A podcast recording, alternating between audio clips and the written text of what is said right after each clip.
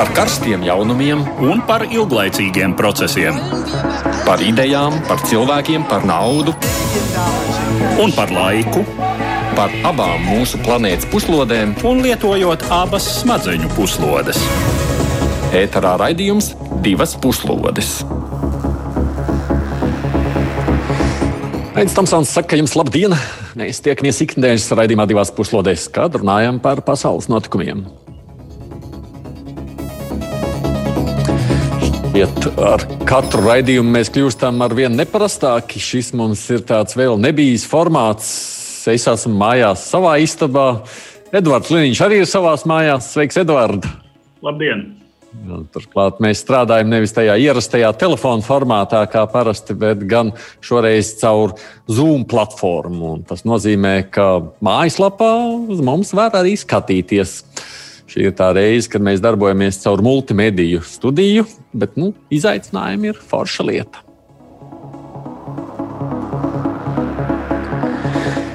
Trīs ļoti interesanti temati šoreiz būs mūsu uzmanības lokā. Vispirms vakar notikusi ASV prezidenta inaugurācija, ko pavadījuši bezprecedenta drošības pasākumi. Mūsu sarunai no Amerikas Savienotajām valstīm pievienosies arī mūsu Latvijas radio korespondents Arčuns Konohovs.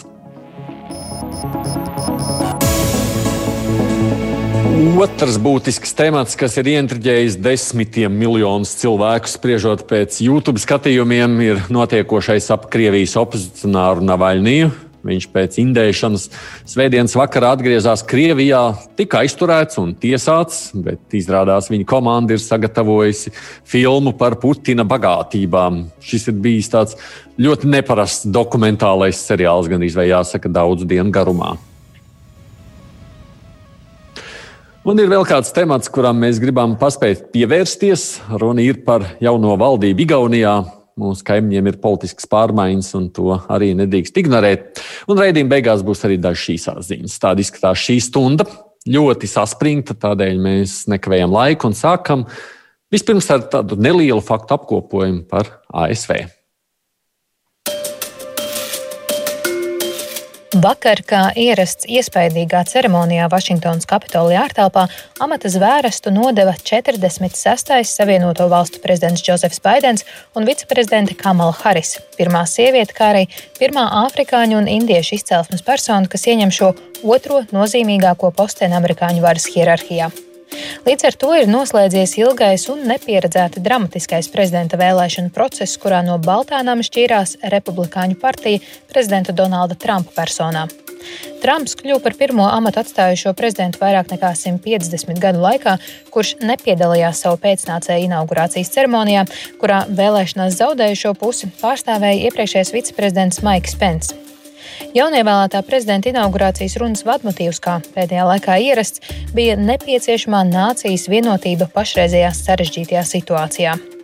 Savā pirmajā darba dienā prezidents Džo Baidens gan neiepriecināja tos, kuri iespējams sagaidīja vairāk iecietības pret viņa priekšgājēju politisko mantojumu. Prezidents parakstīja veselu virkni izpildrīkojumu, kas nozīmīgi maina viņa priekšgājēju politisko kursu. Cits starpā tiek atjaunota Savienoto valstu dalība Parīzes klimata nolīgumā un pilnvērtīga darbība Pasaules veselības organizācijā, prezidenta Obamas laikā ieviestā liberālā politika pret nelegāliem imigrantiem no Meksikas, kas ieceļošanas brīdī bijuši nepilngadīgi, atcelta prezidenta Trumpa noteiktie ierobežojumi ieceļošanai no vairākām valstīm ar islāmticīgo iedzīvotāju vairākumu. Nozīmīgi pasākumi tiek ieviesti koronavīrus pandēmijas un tās seku apkarošanā, sākot ar prasību obligāti valkāt sejas masku visās valsts iestādēs, beidzot ar moratoriju pagarināšanu izglītības kredītu atmaksām un personu izlikšanai no dzīvokļiem parādu dēļ. Kā ļauj spriest jaunievēlētā prezidenta un viņa komandas dalībnieku pēdējā laika izteikumi, šis ir tikai sākums nozīmīgam Vašingtonas politikas pavērsienam. Mūsu sarunai tagad ir pievienojušies arī ārpolitikas institūta pētnieks Mārtiņš Vargulis. Sveicināti, Mārtiņ! Sveiki! Jā, un arī mūsu kolēģis Arčuns Konohovs atrodas šobrīd Vašingtonā. Sveiks, Arčuns! Jā, labdien! Klausoties šīs Edvarda apkopotās izmaiņas, kuras parakstīsi Baidens, varam mēs sacīt, ka notiek tāda strauja un kardināla ASV politikas maiņa, Mārtiņa? Strauja, kardināla. rīcība, es drīzāk tās to sākumā raksturotu, vai tā būs strauja kardināla politikas maiņa, es būtu pagaidām vēl piesardzīgs. Tas, ko Džozefs Baidens arī savā inaugurācijas ceremonijas uzrunas laikā vairāk kārt atkārtoja, ka viņš aicina pirmkārt uz šīs sašķeltās, polarizētās sabiedrības vienošanu. Un, attiecīgi, arī šis ir kā galvenais viņa un arī būtiskākais izaicinājums. Es domāju, ka šie būs pamatīgi soļi, kas būs jāveic, un ar šiem 15 izpildu rīkojumiem, ko Džozefs Baidens jau savā pirmajā dienā administrācijas laikā nāca klajā, liecina par to, ka būs noteikti politiku izmaiņas tās, ko Donalds Trumps veica. Savukārt, no otras puses, tur ir jābūt nedaudz piesardzīgam, jo joprojām uh, liela daļa sabiedrības, un, un tie ir vairāk nekā 70 miljoni, atceramies, kas nobalsoja par Donaldu Trumpu, ir bijuši Donalda Trumpa politikas piekritēji. Līdz ar to šeit ir jāveido līdzsvars. Pārāk ātri un pārāk radikāli lēmumi varētu izsaukt pretēju reakciju. Tu domā? Pirmie lēmumi liecina gan iekšpolitiski, gan ārpolitiski noteiktus uzsvarus. Edvards, ko tu domā par visu šo? Nu, es domāju, ka prezidents Baidens rīkojas tā, kā viņš to ir, viņš un viņa partija to ir solījusi saviem vēlētājiem, ka tas ir tas, ko sagaida Demokrātu partijas elektorāts, vai šīs, šī rīcība, respektīvi šī rīcība ir apņēmīga, pilnīgi noteikti, pietiekami, arī pietiekami strauja. Nu, ir lietas, kuras tik ātri nemaz atpakaļ atvērst nevar, lai kā to arī varbūt vēlētos. Nu, piemēram, mēs zinām, ka Irānas kodolvienošanās Eh, Trumpa administrācijas politikas darbības rezultātā visdrīzāk eh, ir mirusi, un tur ir jādomā, eh, kā šo procesu vispār atjaunot. Un droši vien, ka būs kaut kas tāds, ko Džozefa Baidena administrācija necentīsies ātri atgriezt kaut kādā status quo ante, respektīvi agrāk bijušā situācijā. Nu, piemēram, droši vien attiecības ar Ķīnu, tā izskaitā ekonomiskās attiecības, netiks tā burtiski restaurētas uz pirms Trumpa ēras situāciju. Tā kā jā, nu tā ir ļoti loģiska rīcība. Protams, ka Baidenam pārmet tagad viņa samiernieciskā retorika, retorika par valsts un nācijas vienošanu, ir pretrunā ar šiem soļiem, kas ir pretēji tam, ko Trumps ir solījis, ko Trumps ir darījis, un kas patīk Trumpa elektorātam, un kas patīk daudziem republikāņu elektorātiem. Bet, starp citu, tā, tā, tā ir tāda pirmā reize, kad nu, faktiski nu, nāk jauns prezidents, visi iepriekšējos lauc nos, viņš atkal pa savam. Eh, es, man ir grūti tā spriest, nu, zināmas, teiksim, uh, Ehm, prezidentam Obamam stājoties amatā pēc prezidenta Buša jaunākā nu, teiksim, tā izjūta, bet tā vairāk bija tomēr izjūta par to, ka mums nāk cita politika, ehm, kas bija tādos vispār pieņemamos, es teiktu, Amerikas politikas rāmjos, kad viena Eh, partija nomaina otru. Viena no divām mums jau ierastajām, jau, jau vairāk nekā simts gadus ierastajām Amerikas politikas lielajām partijām. Eh, un eh, šobrīd tā situācijas izjūta ir sāsinātāka, jo tas, kā rīkojās Trumps, bija kaut kas ļoti neordinārs un kaut kas tāds, kas daudziem bija šokējoši. Nu, un tad arī tas, tā atgriešanās atpakaļ varbūt ir krasāka nekā to varēja sagaidīt. Mums tāds sajūta, protams, ir tajā visā stāstā. Skatoties uz to, kas vispār notika vakar, visa inaugurācija, tie drošības pasākumi nav arčom tā, to tur uz vietas redzi. Nu, nebija viņi pārcentušies tomēr ar saviem bluķiem, milzīgiem drošības pasākumiem, kādi nesot bijuši nekad. Tā nedaudz izskatās, jā, un arī šo jautājumu es prasīju daudziem vietējiem iedzīvotājiem, ar ko man gadījās runāt ielu intervijā intervijās, cilvēki kopumā atzina, ka jā, ka drošībnieki varētu būt nedaudz pārcentušies, noslēdzot pusi no pilsētas, 13 metro stacijas tika slēgtas un um, tiešām bluķi uz ielas un, un, un, un bruņu transportieri un apsardzi un uh, militāristi. Tā kā uh, ir, protams, ļoti nopietna tā apsardze ir bijusi, uh, bet kopumā vietēji iedzīvotāji saka, nu, ņemot vērā, cik ļoti viņi bija nesagatavoti 6. janvāra notikumiem, tad labāk, ka tagad viņi ir pārcen, pārcenšās un viss notiek mierīgi, nekā tad, ja viņiem nepārcenšas un varbūt izdara atkal par maz, un tad viss fokus, kas ir no inaugurācijas, no mierīgas varas nodošanas, no demokrātijas uzvaras, no demokrātiskā procesa turpināšanas, tad novirzītos uz kādu izolētu incidentu, iespējams, vai kāds kaut kur kaut ko uzspridzinātu, vai būtu kāda protesta vai kaut kas tam līdzīgs. Jā, tad, Bet protams, nekur nekas nav noticis, vai ne? Šajā, šajā dienā valstī tur taču vairākās, faktiski visos štatos bija bažas par to, ka varētu kaut kas notikt. Tieši tā, vismaz nekas ievērības cienīgs nav noticis, nekas tāds, kur varētu teikt, ka tiešām būtu kāds, varbūt kāds kaut kur ir protestējis, bet ja tas ir bijis miermīlīgi un ja cilvēku skaits ir bijis neliels, tad par to arī kopumā nu, netiek eh, ziņots. Tas neparādās eh, nekur tālāk par kādiem vietējiem plašsaziņas līdzekļiem, ko, mm, kas man līdz ar to arī nav zināms. Bet šeit, Vašingtonā, tiešām eh, viss bija tā kā cietoksnī, viss līdz ar to noritēja ļoti mierīgi, bija visi tie žogi sacelti un vakar pusē. Nu, tad, tad redzēsim. Šodien, laikam, sāks pamazām daļa no tā visa jaukt nost, bet šķiet, ka metro vēl būs ciet līdz pat šī ceturtdienas vakaram. Un daudz veikalu pilsētā ir aizsetuši skatlogus un aiztaisījušies un negrasās atvērties līdz pat nākamajai nedēļai. Es noskatījos arī to Trumpa aizdošanos prom no Baltānām tiešraidē, un pēc tam tur, nu, kā tas viss notika, viņa tikšanos tur vēl pēdējo. Mārtiņ, kā jūs domājat, kā tad Trumps pameta Balto namu? Trumps pameta ar skaidru signālu, ka mēs vēl tiksimies.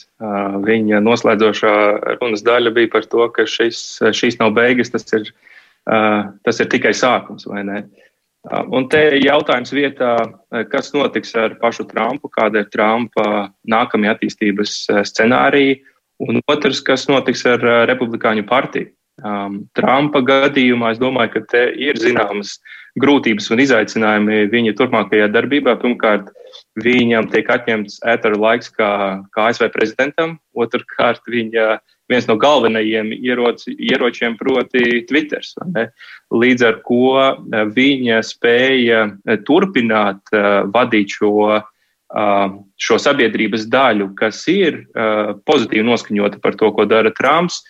Būs izaicinoši. No otras puses, tas būs arī atkarīgs no tā, kā republikāņu partija iekšēji transformēsies. Uh, Šobrīd mēs redzam, ka ir vairāk spēlētāji, vieni, kas joprojām turpina atbalstīt Trumpu un redz sevi kā šī Trumpisma ideoloģijas pēcnācējs, kuri gribētu aizņemt šo, šo vietu. Savukārt tajā pašā partijā ir arī spēlētāji, kuri uzskata, ka, ka republikāņu partija ir pilnībā jātransformējas un, un jāpārveidojas. Tā kā šie divi savstarpēji saistīti aktori, notikumi, vektori arī, arī noteiks to, kā kā Trumpam uh, izdosies uh, noturēt savu atpazīstamību un vai izdosies pēc četriem gadiem būt tuvu uh, tam, lai kļūtu par uh, nākamo ASV prezidentu.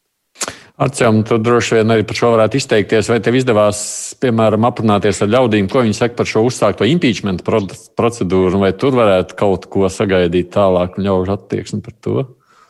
Es domāju, ka impeachments tiek vērtēts ļoti neviennozīmīgi, jo, jo no vienas puses, protams, Daudzi saka, ka Trumpam ir jānes kaut kāda atbildība par to, kas ir noticis. No otras puses, citi saka, ka tiešām, nu, kā tu vari atstādināt prezidentu, kurš vairs nav prezidents, vai tas maz juridiski ir iespējams, un tur juristi domas dalās, un arī precedenti ir bijuši dažādi Amerikas vēsturē. Bet es domāju, svarīgi šeit ir atcerēties, ka Trumps nav karjeras politiķis, Trumps nav republikāns, Trumps ir Trumps. Viņš lielā mērā ir um, uzurpējis varu, ja tā varētu izteikties, Republikāņu partijā. Viņš ir pārņēmis kontroli pār šo partiju, un kaut kādu laiku republikāņiem tas ir bijis izdevīgi, jo viņš nesa viņiem popularitāti, cilvēki balsoja par viņiem un tā tālāk.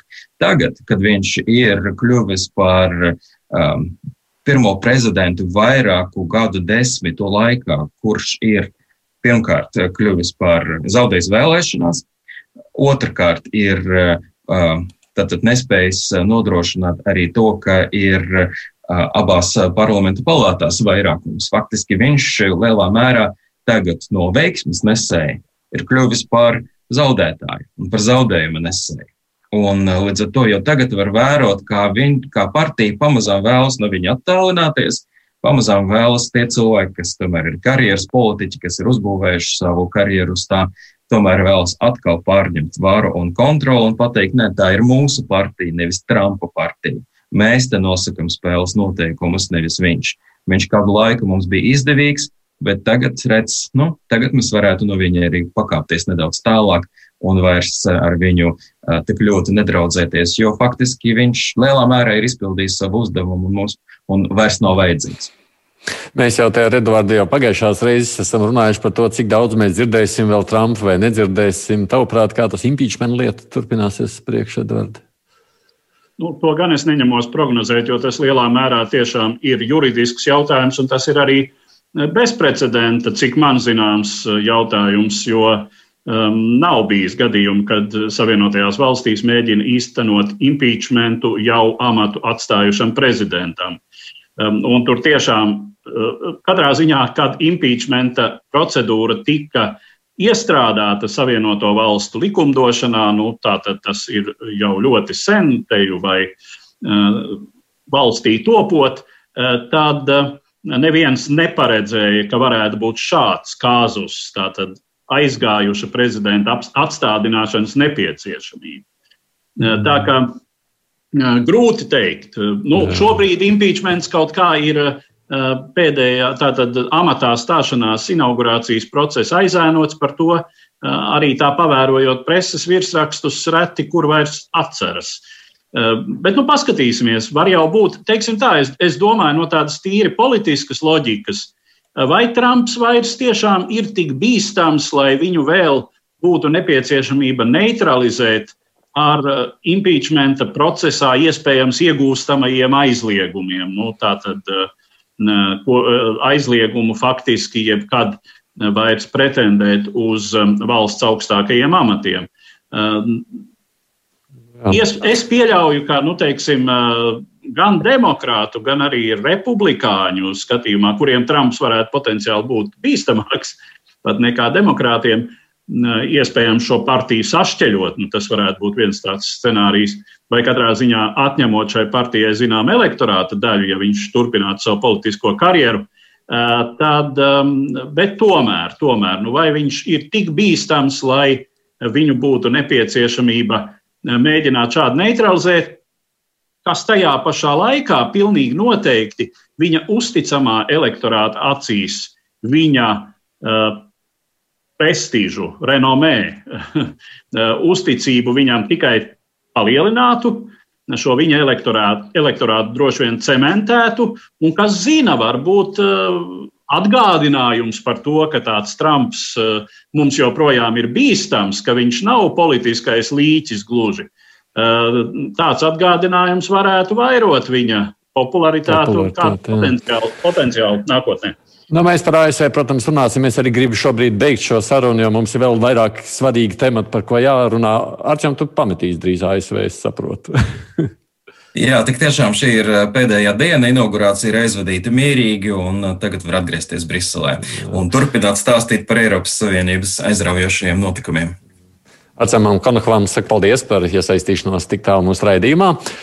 Paldies. Um, Noteikti šonadēļ ir krietni interesanti notikumi risinājušies mums tepat tūmā, mūsu kaimiņu valstīs. Un es laikam nebiju sen ar tādu interesi sekojis tam, kas notiek Krievijā, kā šajā nedēļā. Tāpēc sākam vispirms ar ierakstu. Nepiepildījās cerības, kuras visticamāk loloja Kremļa saimnieks Vladimirs Putins, ka redzamākais viņa režīma kritiķis Aleksējs Navaļņīs neatgriezīsies Krievijā pēc tam, kad pagājušā gada augustā knapi izdzīvoja saindēšanu ar ķīmisko ieroci Novičoku un tika steidzami nogādāts reanimācijā Berlīnē. Iecirtīgais opozicionārs tomēr nolēma mest izaicinājumu vadonim un pagājušo svētdienu sēdās lidmašīnā uz Maskavu. Jau pirms viņa izlidošanas Krievijas tiesu varas pārstāvi paziņoja, ka Navaļņiem tiek izvirzīta apsūdzība par nosacītu sodu izciešanas noteikumu pārkāpumu. Proti, guļot reanimācijā un atlapstot Berlīnes klīnikā, Navaļņīs, protams, nevarēja ierasties regulārai reģistrācijai attiecīgajā Maskavas policijas iecirknī, kas viņam jāveic kā notiesātajiem iepriekšējos gados organizētā tiesas procesā. Pirms ielidošanas Navaļņī lidmašīna tika novirzīta uz citu lidostu, kur ielidojušais opozicionārs tika arestēts. Tiesas sēdē, kas pirmdien notika policijas iecirknī, Navaļņiem tika piespriests 30 dienu arests, kura laikā tiks izskatīta apsūdzība. Var piebilst, ka Maskavā Kremļa kritiķis nav atgriezies tukšām rokām. Pirms pāris dienām tīmeklī tika publiskots un jau desmitiem miljonu skatījumu savācis Navaļņija un viņa komandas jaunākais veikums. Vairāk nekā pusotru stundu gara dokumentālā filma par grandiozu un līdz bezgaumībai greznu pils kompleksu, kas uzcelts Vladimira Putina iepriecinājumam Melnās jūras piekrastes kurortpilsētas Gelenģikas apkaimē. Līdzekļi šai būvē, kā parāda filmas autori, nāk no Kremļa saimnieka favorītiem, kuri tos ieguvuši pateicoties trakniem amatiem valsts pārvaldē un valsts uzņēmumos, kā arī dāsniem valsts pasūtījumiem.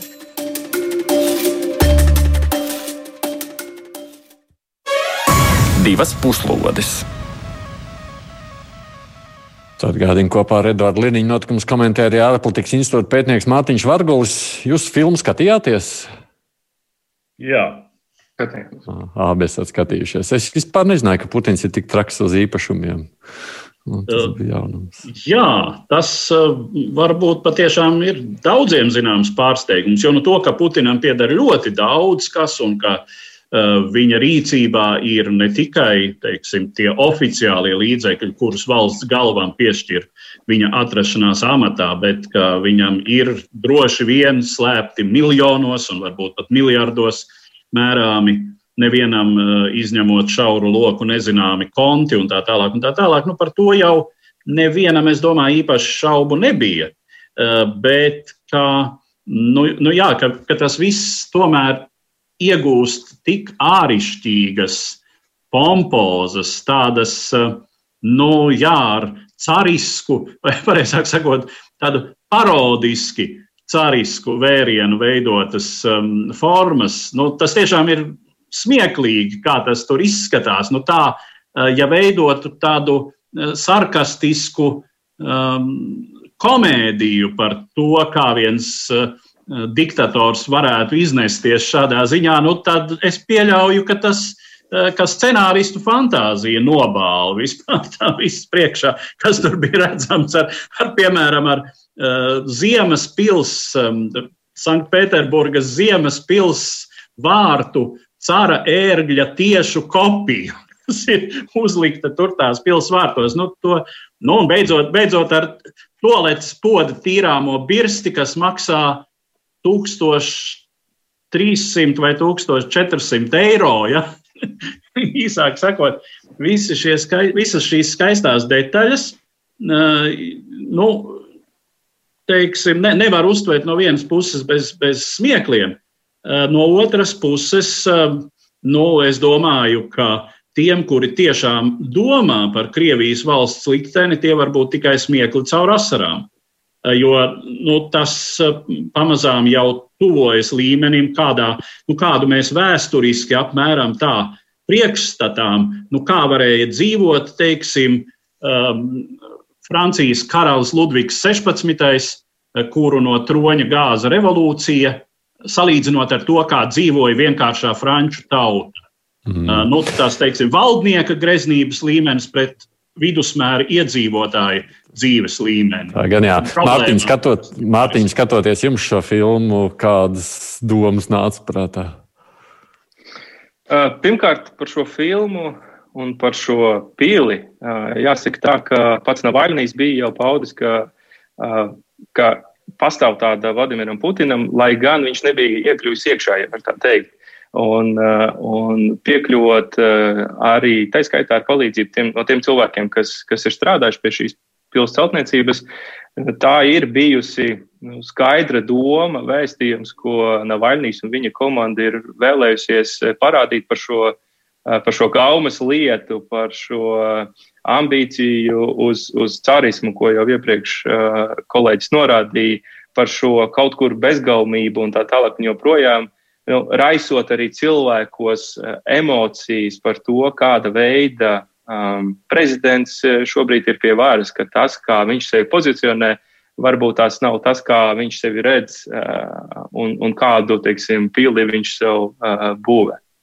Hmm.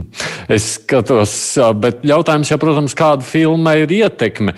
Interesanti, piemēram, Aldus mums raksta, ir jābūt taču kārtīgi izskalotām abām puslodēm, lai noticētu tām visām propagandas blēņām par Putina bagātībām.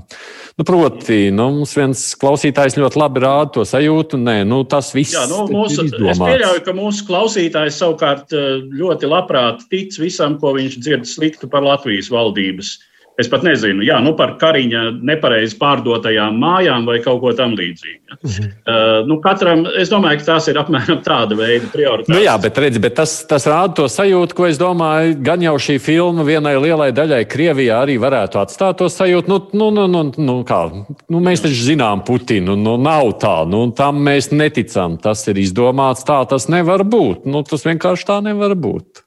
Nu, lai gan es nezinu, Ticamības... Putinu, mēs zinām Putinu. Nu, uh, Putins jau pietiekami, uh, pietiekami arī, arī teiksim, tie Kremļa interjeri jau nav nekādi. Nekādi askētiskie un tā tālāk. Nu, no, tie tādi ir vienmēr bijuši. Te jau tagad līdz ar Putinu viņš vienkārši ienāca šajos. Bet te nu viņš sev Mārtiņš sakiet, jūs gribējāt ko teikt? Uh, Jā, es gribēju par to ticamības momentu. Es piekrītu tam, ka Kremlis, protams, ir, ir būvēts jau, jau gadsimtiem ilgi, un tā greznība tur ir. Liela valsts, nācija un tam līdzīgi, bet tajā pašā laikā tieši tā. Vladimirs Putins ir mēģinājis sevi vismaz veidot šo tēlu, kā pietuvinātu tautai, kā tādu, kas ir pret teiksim, tādas greznības un, un, un tam līdzīgi. Un tāpēc tas ticamības moments arī iedzīvotājiem Krievijā ir, ir, pamatots, vai tiešām šāda veida māja ar visu, kas tur ir, ar, ar, ar ledus laukumu un tā tālāk, un joprojām tiešām ir tas, ko prezidents vēlas un ko viņš, ko viņš ir būvējis. Tieši tāpēc Navaļdī komanda, manuprāt, maksimāli arī ir šos dokumentus mēģinājusi piedāvāt. Lūdzu, skatieties, vai ne, arī, arī ejiet uz mūsu mūsu informācijas avotiem, kur jūs to ar tiem varat iepazīties, analizēt un izdarīt secinājumus. Aleksiem Navaļnijam šī nav pirmā šāda veida filma. Atcerēsimies, bija arī filma par Dmitriju Medvedevu, kas arī šķita, ka izsauks lielu rezonanci sabiedrībā, kur vēl vairāk, teiksim, Dmitrijs Medvedevs netika asociēts par tādu cilvēku, kurš, kuram būtu tāda ambīcija uz tik lielu, lielu greznību, kur arī noskatījās vairāk nekā 30 miljoni, un, un rezonanses eh, dienas beigās nebija nekāda vai pat, eh, vai pat minimāla. Nu, demonstrācijas jau gan bija, un viļņošanās sabiedrībā bija. Eh, un tas, kas jau tobrīd parādījās visai nepatīkami esošajai varas elitei, ka sevišķi aktīvi protestēja jaunākā paudze. Cilvēki, teiksim, nu, kuriem pašiem droši vien ir vēlme redzēt savu dzīvi drusku labāku vai krietni labāku un, un iespējas krietni lielākas nekā. Jo runa jau ir par samērojamību. Uh, neviens droši vien nepiesienas uh, nu, kaut vai tā paša Trumpa īpašumiem, tāpēc ka vidusmēra amerikāņa dzīves līmenis uh, ir pietiekami augsts, lai viņš tā būtiski Trumpu neapskaustu. Nu, ja vien nauda kā tāda nav vispār veiksmes un uh, kaut kādas laimes mērs, bet tev pašam vispār pietiek ar to, kas tev ir, lai tu neuztrauktos par to, ka kādam ir 10 tūkstoši, 20 tūkstoši vai, vai miljons reižu vairāk nekā tev. Nu, Krievijas gadījumā tas tā nav. Nu, ir pietiekami daudz sociālu problēmu, tās pēdējos gados ir arvien samilzušas.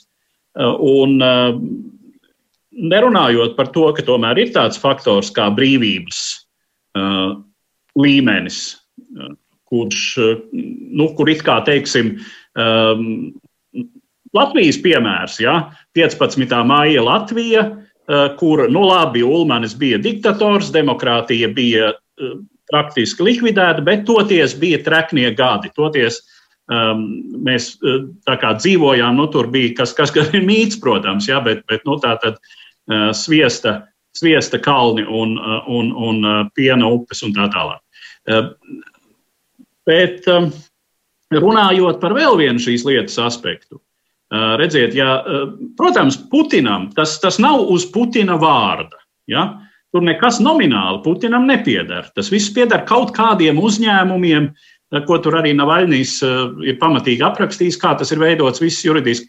Bet, teiksim, ja cilvēks sev tomēr savāc šādu īpašumu, tad tas nozīmē, ka viņš acīm redzot domājas sevi savā vietā līdz pat iespējams mūža beigām. Ja? Jo, lai kaut ko tādu sev paturētu eh, vienā demokrātiskā valstī, tad nu, vai nu tev tas ir kaut kā jāprivatizē, un ar domu, ka nekad neviens nepaprasīs, kā tu pie tā esi ticis, vai arī tad tev ir jāpaliek savā vietā mūžīgi, nu, respektīvi vismaz tik ilgi, lai tu to visu savu mūžu varētu lietot. Jo nu, pretējā gadījumā ir liels briesmas, ka tu to zaudēsi. Nu, tā, tad no tā izriet, acīm redzot, tāds plāns, mm, prezidents uz mūžu. Ja? Tas gan jā, nu, labi, tas jau it kā pat nebūtu noslēpums. To, ka viņš tāds gribējis būt, tā tas arī vienmēr varētu būt. Anna mums prasa, nu, bet tad jūsuprāt, cik daudzi un vai vispār cilvēki Krievijā 23. janvārī izies ielās, Mārtiņ, kā jums šķiet? Tas ir, tas ir šobrīd grūti prognozējams. Tāpat kā mēs visi, arī es savā informācijas vidē vai burbulī dzīvoju, skatos, ka rezonance ir liela. Mēs, mēs redzam, starptautiskajā vidē daudz atsaucas uz šo filmu. Skatījumu skaits ir ļoti, ļoti augsts.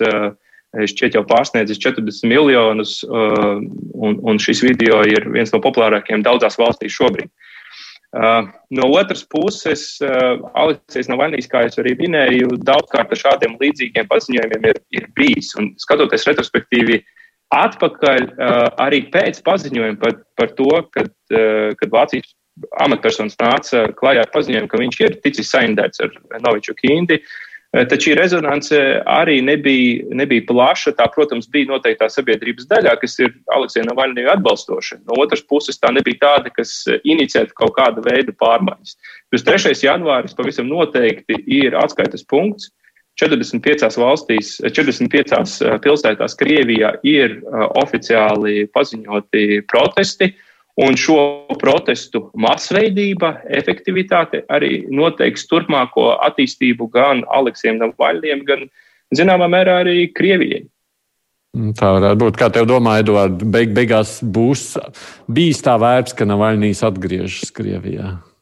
Nu, ja mēs jautājam, vai viņam bija vērts atgriezties, ja viņš grib palikt tas, kas viņš ir, proti, šobrīd Krievijas opozicionārs numur viens, Un cilvēks, kas tomēr sagādā Putinam un viņa režīmam galvas sāpes, tad viņam bija jāatgriežas. Pretējā gadījumā, es domāju, viņš kļūtu līdzīgs Hadarkovskim vai Kaspārovam, eh, kuri pārvietojas mierīgi pa rietumu eh, fórumiem un preses konferencēm eh, un sajietiem, stāstīdami, cik slikts ir Putina režīms, no kā Putinam lielā mērā ne silts, ne augsts. Eh, tā tad, eh, jā, Navaļnija atgriešanās ir pieteikums uz, eh, nu, droši vien tas skan adekvāti šajā gadījumā cīņas turpināšanu iepriekšējā līmenī, kas attiecas uz protestiem. Nu, es atļaušos minēt, ka tie droši vien būs visu Krieviju kopā rēķinot simti tūkstoši. Bet, nu, kā zināms, simti tūkstoši vienai vairāk nekā cik šobrīd Krievijā laikam ir 140 miljoni iedzīvotāju apmēram. Uh, tādai valstī tā, protams, ir pietiekami maza iedzīvotāju daļa, uh, lai uh, joprojām teiktu, ka Putina režīmu tas būtiski neapdraud. Lai gan, skatoties uz vēstures analoģijām, jāsaka tā, ka šī popularitāte atbalsts masās, kas ir rēķināms uh, 70, 80%, ja, uh, grandiozi, uh, grandiozi skaitļi, ar kādiem reti var lepoties kāds demokrātiskās valsts politiķis, uh, tas mēdz izkūpēt gaisā visai ātri. Uh, tādu mm. vai citādu, nu, lielāko tiesu tajā brīdī, kad valsts sociālā sistēma un ekonomika sāk neturēt režīma slodzi.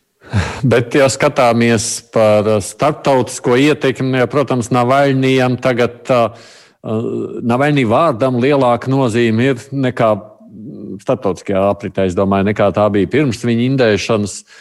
Tur ir jēgas vispār par šo tagad runāt šajā aresta un no, tālāko notikumu kontekstā Mārtiņa, ko var izdarīt rietumi. Tādā ziņā, vai tam ir ietekme uz turpmāko Krievijas vai Kremļa rīcību attiecībā jā, uz Navaļniju? Attiecībā uz Navaļniju. Es domāju, jā, es domāju, ka tie paziņojumi, kas nāca pirmkārt jau no preses sekretāra Peskova, nedaudz ironizējot par, par to, kas ir Navaļnijas un vai viņš ir Vācijā vai, vai Krievijā, kur viņš ir arestēts. Tāpat arī ārlietu ministra Lavrova izteikumi tikai liecina par to, ka nejaucieties tās ir mūsu privātās vai valsts lietas, tas ir mūsu pilsonis. Mēs, mēs esam saimnieki savā zemē un attiecīgi par noteiktiem pārkāpumiem ir jāsaņem attiecīgs sots. Es pieļauju, un, un mēs šobrīd runājam, bet paralēli, ja nemaldos, Eiropas parlamentā tieši notiek diskusija par, par tā sauktā Eiropas Savienības Magnitska akta sankciju piemērošanu pret Krieviju. Um, tas ir viens uh, no, no veidiem, un, uh, un ir ambīcija uh, tātad, uh, ieviest sankcijas pret, uh, pret pietvērtiem cilvēkiem vai tiem cilvēkiem, kas ir iesaistīti šajā tiesvedības procesā un tam līdzīgi. Un otrs uh, jautājums ir par nociem divi. Bieži vien līdzīgos gadījumos aktuāls jautājums. Um, šī gāzes vada izbūve var būt zem jautājuma zīmes, jo redzams, ka uh, tiksim, varbūt tās pretēji citām reizēm šoreiz Vācija ir nedaudz agresīvāk eh, noskaņot vismaz tās eh, publiskajos izteikumos, un, un Vācija kā viena no galvenajām šī projekta valstīm arī ir spēles noteicējis. Līdz ar ko tas varētu tikt ietekmēts, proti šis projekts. TV Reina, kā raksta mums Digis, jau šodien ziņoja, ka visu Krievijas izglītības iestādēm notiekot šobrīd studentu skolēnu un viņu vecāku iebiedēšanu, lai nepiedalās 23. janvāra protestos, ka tad būs gan atskaitīšanas, gan problēmas vecākiem. Tā kā nu, tas process, protams, ir sācies. Mums, laikam, Edvards, nākošajā nedēļā būs jārunā tālāk, kas notiek Krievijā. Nu, ne tikai, es domāju, nākošajā nedēļā, bet vēl visai ilgi. Vēl visai ilgi. Mums jāatstāj vēl viena kaimiņu valsts mūsu uzmanības lokā, tāpēc ka nu, tas arī tomēr ir mūsu kaimiņos, un jautājums ir aktuāls. Runiet par Igauniju, tāpēc vēl viens ieraksts papriekš par šo. Par iespējamu iepriekšējās Igaunijas valdošās koalīcijas izjukšanu runāja jau te kopš tās izveidas 2019. gada pirmajā pusē. Pārāk politiski neloģiska šķita koalīcija starp premjera Jirija Ratasa centra partiju, kura cita starpā ir galvenā Igaunijas krievalodīgo iedzīvotāju interešu paudēja, Nacionālistisko Tēvzemes savienību un labējiem populistiem konservatīvo tautas partiju jeb ekre. Pie tam ārpus spēles tādējādi tika atstāta vēlēšanās uzvarējusī reformu partija, kas ir centra partijai ideoloģiski daudz tuvāka. Galvas sāpes premjeram Ratasam pastāvīgi sagādāja ekra līderu tēvu un dēla Marta un Mārtiņa Helmas radikālie un netaktiskie izteikumi, kas savu reizi bija veltīti arī ārvalstu līderiem. Pēc kārtējās nepiedienīgās izrunāšanās, šajā gadījumā par to brīdi nulievēlēto Savienoto Valstu prezidentu Džo Baidenu, Mārtam Helmam nācās atstāt iekšlietu ministra amatu. Tikmēr liktenīgas ir Ratas valdība izrādījās ne ideiskās vai politiskās nesaskaņas, bet gan korupcijas skandāls, kurā ierauta viņa partija. Kā atklājies, dāsnu atbalstu no valdības kredīta aģentūras pērnējā vasarā saņēmis nekustamo īpašumu attīstības lielprojekts Porto Franko, kura īpašnieki savulaik dāsni ziedojuši centra partijai. Izmeklēšanas gaitā centra partijas pārstāve finanšu ministrs padomniece Kerstī Krakta apsūdzēta ietekmes tirgošanā un līdzdalībā naudas atmazgāšanā. Apsūdzības celtas vēl vairākām valsts amatpersonām.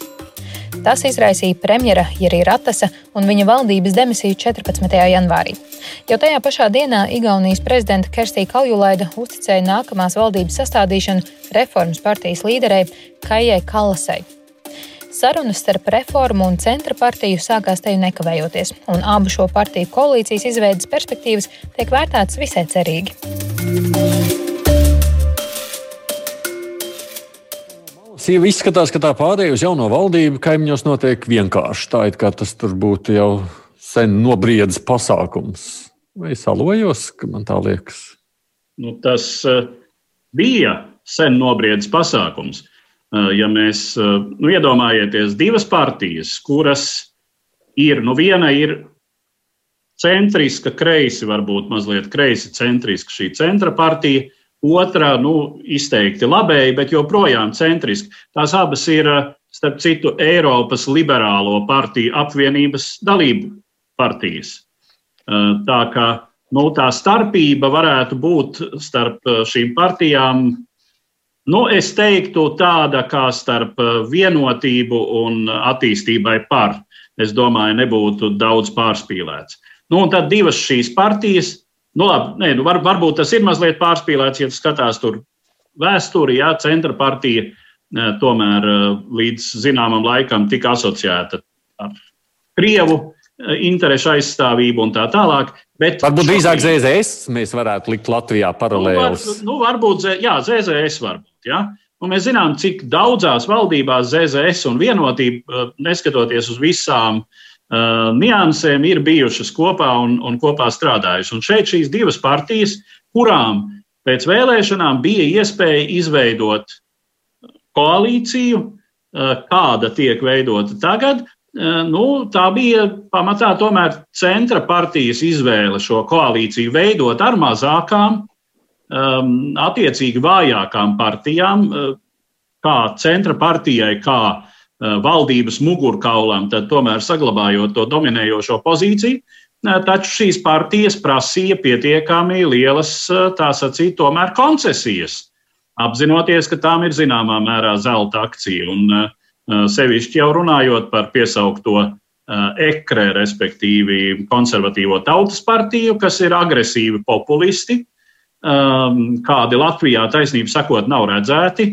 um, kas ir dziļi iekšā Eiropas uh, labējā populisma straumē. Tur uh, Helmes kungs, uh vecākais, ir, ir, ir bieži redzēts Lepēnas kundzes sabiedrībā, ar ko īsti Latvijas politiskajā spektrā neviens tā lepoties nevar, un tā tālāk. Un tā tālāk. Nu jā, bet klausies, Eduards, lai es vienkārši lai es nenokavētu tavu ierakstu, tu biji ar vienu sarunu. Varbūt palaižam jā. to piesaki, par ko tu, ar ko tu jā, runā. tātad, tātad mana saruna bija ar Velo Petai, kurš ir Igauņu uh, politologs, sociologs.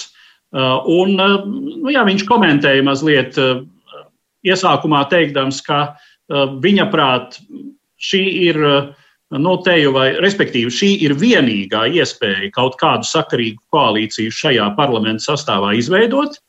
Līdz ar to tā situācijas loģika visdrīzāk noteiks to, ka patiešām mierīgi tā arī daudz maz tiks izveidot. Un tas un norādīja uz pāris gadījumiem, gan diezgan pasen, kad centra partija un reforma partija ir jau strādājušas vienā valdībā. Jā, nu, klausāmies ierakstu. Jā, klausāmies. Kādi varētu būt iespējamie šķēršļi?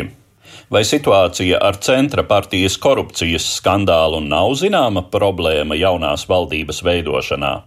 I don't think that it's actually so much of a problem in that the two sides are ready Es nedomāju, ka tā ir tik īpaša problēma, ja abas puses ir gatavas veidot šo kabinetu. Ja tām ir šī gatavība, ja ir vajadzīgās balsis parlamentā, tad tās to arī izdarīs.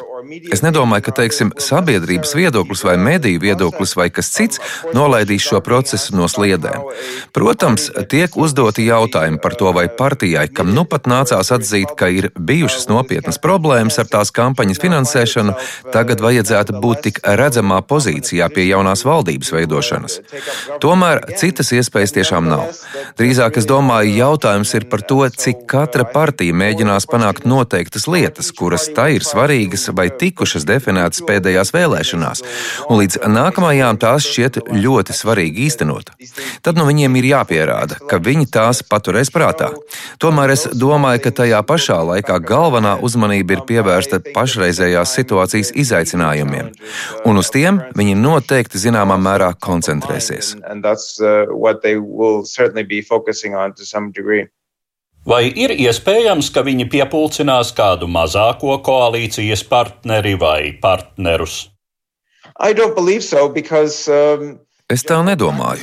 Vispārējā praksa, protams, ir neveidot lielāku vairākumu nekā nepieciešams, un tāpēc jebkādas pūles iekļaut vēl kādu partneri būtu vienkārši liekas. Attiecīgi šobrīd neviena no partijām nav devusi kādu signālu, ka tā varētu darīt. Lai gan centra partija tika ieminējusies par iespējamu tēvzemes savienības iekļaušanu, taču ir visai skaidrs, ka tas diez vai notiks. Un kā ir ar personālijām? Vai paredzams, ka bijušais premjerministrs Ratas un citi viņa kabineta ministri ieņems vietu jaunajā valdībā? I think this is a very interesting aspect of, of this particular uh, process of coalition building. Um, Es domāju, ka šis ir ļoti interesants aspekts šajā konkrētajā koalīcijas veidošanas procesā, jo te ir mazliet apšaubāms ne tikai Jiri Ratas, par kuru, protams, ir jautājums, kā viņš tikko bijis premjerministrs varētu ieņemt kādu citu ministra amatu.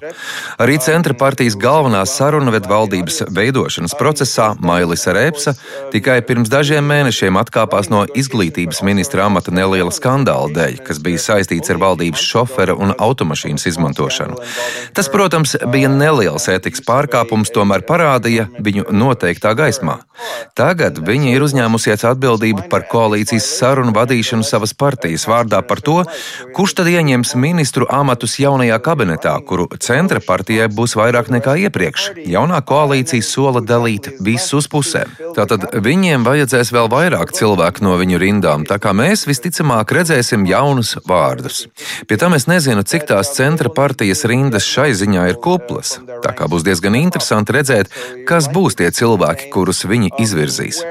Taču tas jau parasti tiek darīts pašās beigās, kad apspriesti visi principi saskaņotas politikas nostādnes. Tikai pēc tam viņi sēžas dalīt vietas kabinetā. Uh, and only then do they sit down and, and uh, divvy up the seats in the cabinet. Vai varam sagaidīt kādas radikālas izmaiņas potenciālās valdības politikā atšķirībā no iepriekšējās? So. Um, Nedomāju, viss. Pašreizējā situācijā abām šīm partijām pamatā nākas panākt vienošanos par to, kā noturēt to kuģi virs ūdens. Piemēram, viņi ir solījuši nemainīt nodokļu politiku. Viņiem būs un jau tagad ir diezgan sarežģītas sarunas par izglītības politiku. Centra partija, protams, cenšas pēc iespējas saglabāt neskartu Igaunijas izglītību un skolu sistēmu Krievu valodā un pretojas ļoti stingriem pasākumiem ieviešot mācības Igauņu valodā dažās vidusskolās vai zemāka līmeņa skolās, kamēr reformu partija to ir deklarējusi kā nepārprotamu solījumu. Šajā jautājumā viņiem nāksies atrast kā kādu pieklājīgu pretstāves formu, iespējams, iesaldējot šo jautājumu uz nākamajiem pāris gadiem. Taču ārpolitikā, aizsardzības politikā, drošības politikā būs kontinuitāte, un es domāju, par šiem jautājumiem viņiem domstarpība nav. Uh, Mums laika vairs nav nekam komentējot. Piedodiet, Mārtiņ, nāksies citu reizi turpināt šo sarunu. Es jums saku paldies, ka iesaistījāties. Nu, vismaz tāds neliels ieskats Igaunijā paldies. bija. Edvards Liniņš, ārpolitikas institūta pētnieks, Mārtiņš Vargulis, paldies jums par sarunu. Mums vēl dažas paldies. ziņas īsumā, tāpēc noslēdzam ar aktualitātēm. Vispirms pāris ziņas saistītas ar Covid un vakcinēšanos. Norvēģija pēc izmeklēšanas pirmdien paziņojusi, ka nav konstatēta saistības starp Pfizer vakcīnām un nāves gadījumiem pēc vakcinācijas. Tomēr ieteikusi ārstiem izvērtēt visvārgāko cilvēku vispārējo veselības stāvokli pirms injicēt viņiem vakcīnu. Kopš Norvēģijā decembra beigās tika uzsākta vakcinācijas kampaņa, valstī no dzīves aizgājuši 33 gados veci cilvēki, kas ir saņēmuši pirmo vakcīnas devu. To ir apliecinājuši veselības jomas amatpersonas. Tomēr šobrīd nesot pamats teikt, ka tas noticis vakcinēšanās dēļ. Ir svarīgi atcerēties, ka Norvēģijā aprūpas namos vidēji katru dienu no dzīves aiziet 45 cilvēki, Tā tad nav teikts, ka tas būtu mirstības pieaugums vai ka tas būtu saistīts ar vakcīnām. Tā saka Norvēģijas Sabiedriskās veselības institūta direktore Kamila Stoltenberga. Arī uzņēmumi Pfizer un BioNTech pirmdien pavēstīja, ka strādā ar Norvēģijas zāļu aģentūru, lai apkopotu visu atbilstošo informāciju. Vakcinācijas sacensībās par tiesībām pieteikt savu vakcīnu iesaistījusies Krievija. Krievijas varas iestādes pieteikušas reģistrācijai Sputņika. Krievijas tiešo investīciju fondā, kas finansē vakcīnas izstrādi, saka, ka tas ir nozīmīgs pagrieziena punkts. Gaidāms, ka Eiropas zāļu aģentūra Krievijas iesniegtos dokumentus sāks izskatīt februārī. Eiropas zāļu aģentūra apstiprināja, ka tikšanās ar vakcīnas izstrādātāju ir notikusi otrdien, lai apspriestu fonda attīstības plānu un turpmāko sadarbību ar aģentūru. Taču Eiropas zāļu aģentūra norādījusi, ka Sputņika netiek izvērtēta pātrinātā kārtībā. Kā zināms, Krievija augustā paziņoja par pasaulē pirmās Covid-19 vakcīnas reģistrāciju, izpelnoties starptautisko ekspertu kritiku, jo tobrīd tā bija izmēģināta tikai pavisam nelielam skaitam cilvēku. Kopš tā laika ir uzsākta jau masveida cilvēku vakcinācija, kaut arī klīniskie pētījumi nebija pabeigti. Tomēr izstrādātāji apgalvo, ka vakcīna ir efektīva vairāk nekā 90% gadījumu. Šobrīd Sputņiki jau ir reģistrēti vairākās citās valstīs, tostarp Baltkrievijā, Venezuelā, Bolīvijā un Alžīrijā. Pirms nedēļas bija bažas, ka Itālijā kritīs valdība. Tomēr Itālijas premjerministrs Giuseppe Conte ir izturējis abus uzticības balsojumus. Otradien valdība izturēja uzticības balsojumu parlamenta augšpalātā, senātā un saglabāja varu. Bet pirmdien parlamenta apakšnamā deputātu palātā, kur valdošai koalīcijai gan ir vairākums. Krīze izraisīja vienas partijas aiziešanu no valdošās koalīcijas, to pamet ekspremjera Matteo Renzi partija Itālijā Viva. Šobrīd koalīcijā palikušas trīs partijas. Renzi partijas aiziešana saistīja viņa domstarpības ar premjeru jautājumā par Covid-19 krīzes un ekonomikas krīzes pārvaldību. Koalīcija brīdināja, ka šis rindas solis var novest pie pirmstermiņa vēlēšanām, kurās uzvarētu labēja centriskā opozīcija. Rīns piekdien paziņoja, ka atturēsies no balsošanas iespējamā uzticības balsojumā Itālijas valdībai. Šāda Rīns nostāja deva iespēju valdībai izturēt uzticības balsojumu senātā. Tomēr analītiķi saka, ka bez stabila vairākuma politiskā krīze tiek tikai novilcināta. Eiropas drošības un sadarbības organizācijai ir jāsniedz palīdzība, lai garantētu, ka Baltkrievu opozīcijas līderi var droši atgriezties dzimtenē. Tā otrdien virtuālajā sanāksmē Eiropas Savienības sūtņiem ECO sacīja Baltkrievijas opozīcijas līderi un bijusī prezidenta amata kandidāte Svetlana Cikanovska. Sanāksmes gaitā tika spriests par Navaļņu atgriešanos Krievijā, un Cikanovska mudināja starptautiskās organizācijas palīdzēt organizēt drošu atgriešanos mājās arī viņai un citiem demokrātisko spēku līderiem. Tā teikts paziņojumā, kas otrdien publicēts Cikanovskas kanālā lietotnē Telegram.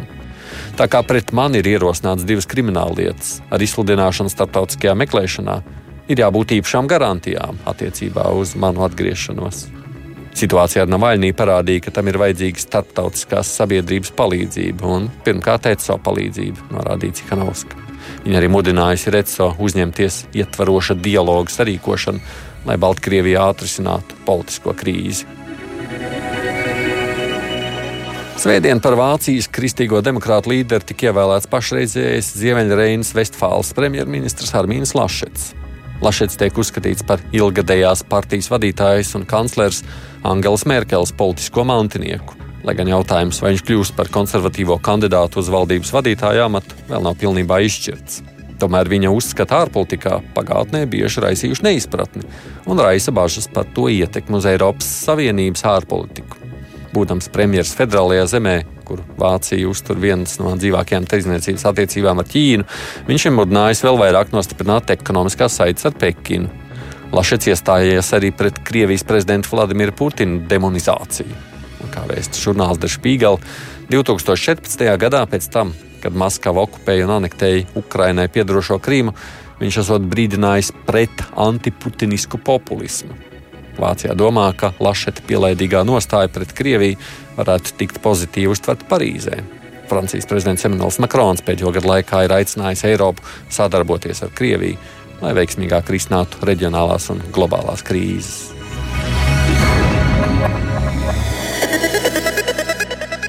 Nu, lūk, tādas vēl raidījuma noslēgumā bija dažas ziņas īsumā. Divas puslodes šodien līdz ar to izskan. Raidījumu vadīja Esaidis Tamsons, mūsu producente ir Ieva Zeiza. Tiksimies atkal pēc nedēļas, tad lūkosim, kas atkal ir noticis lielajā pasaules politikā.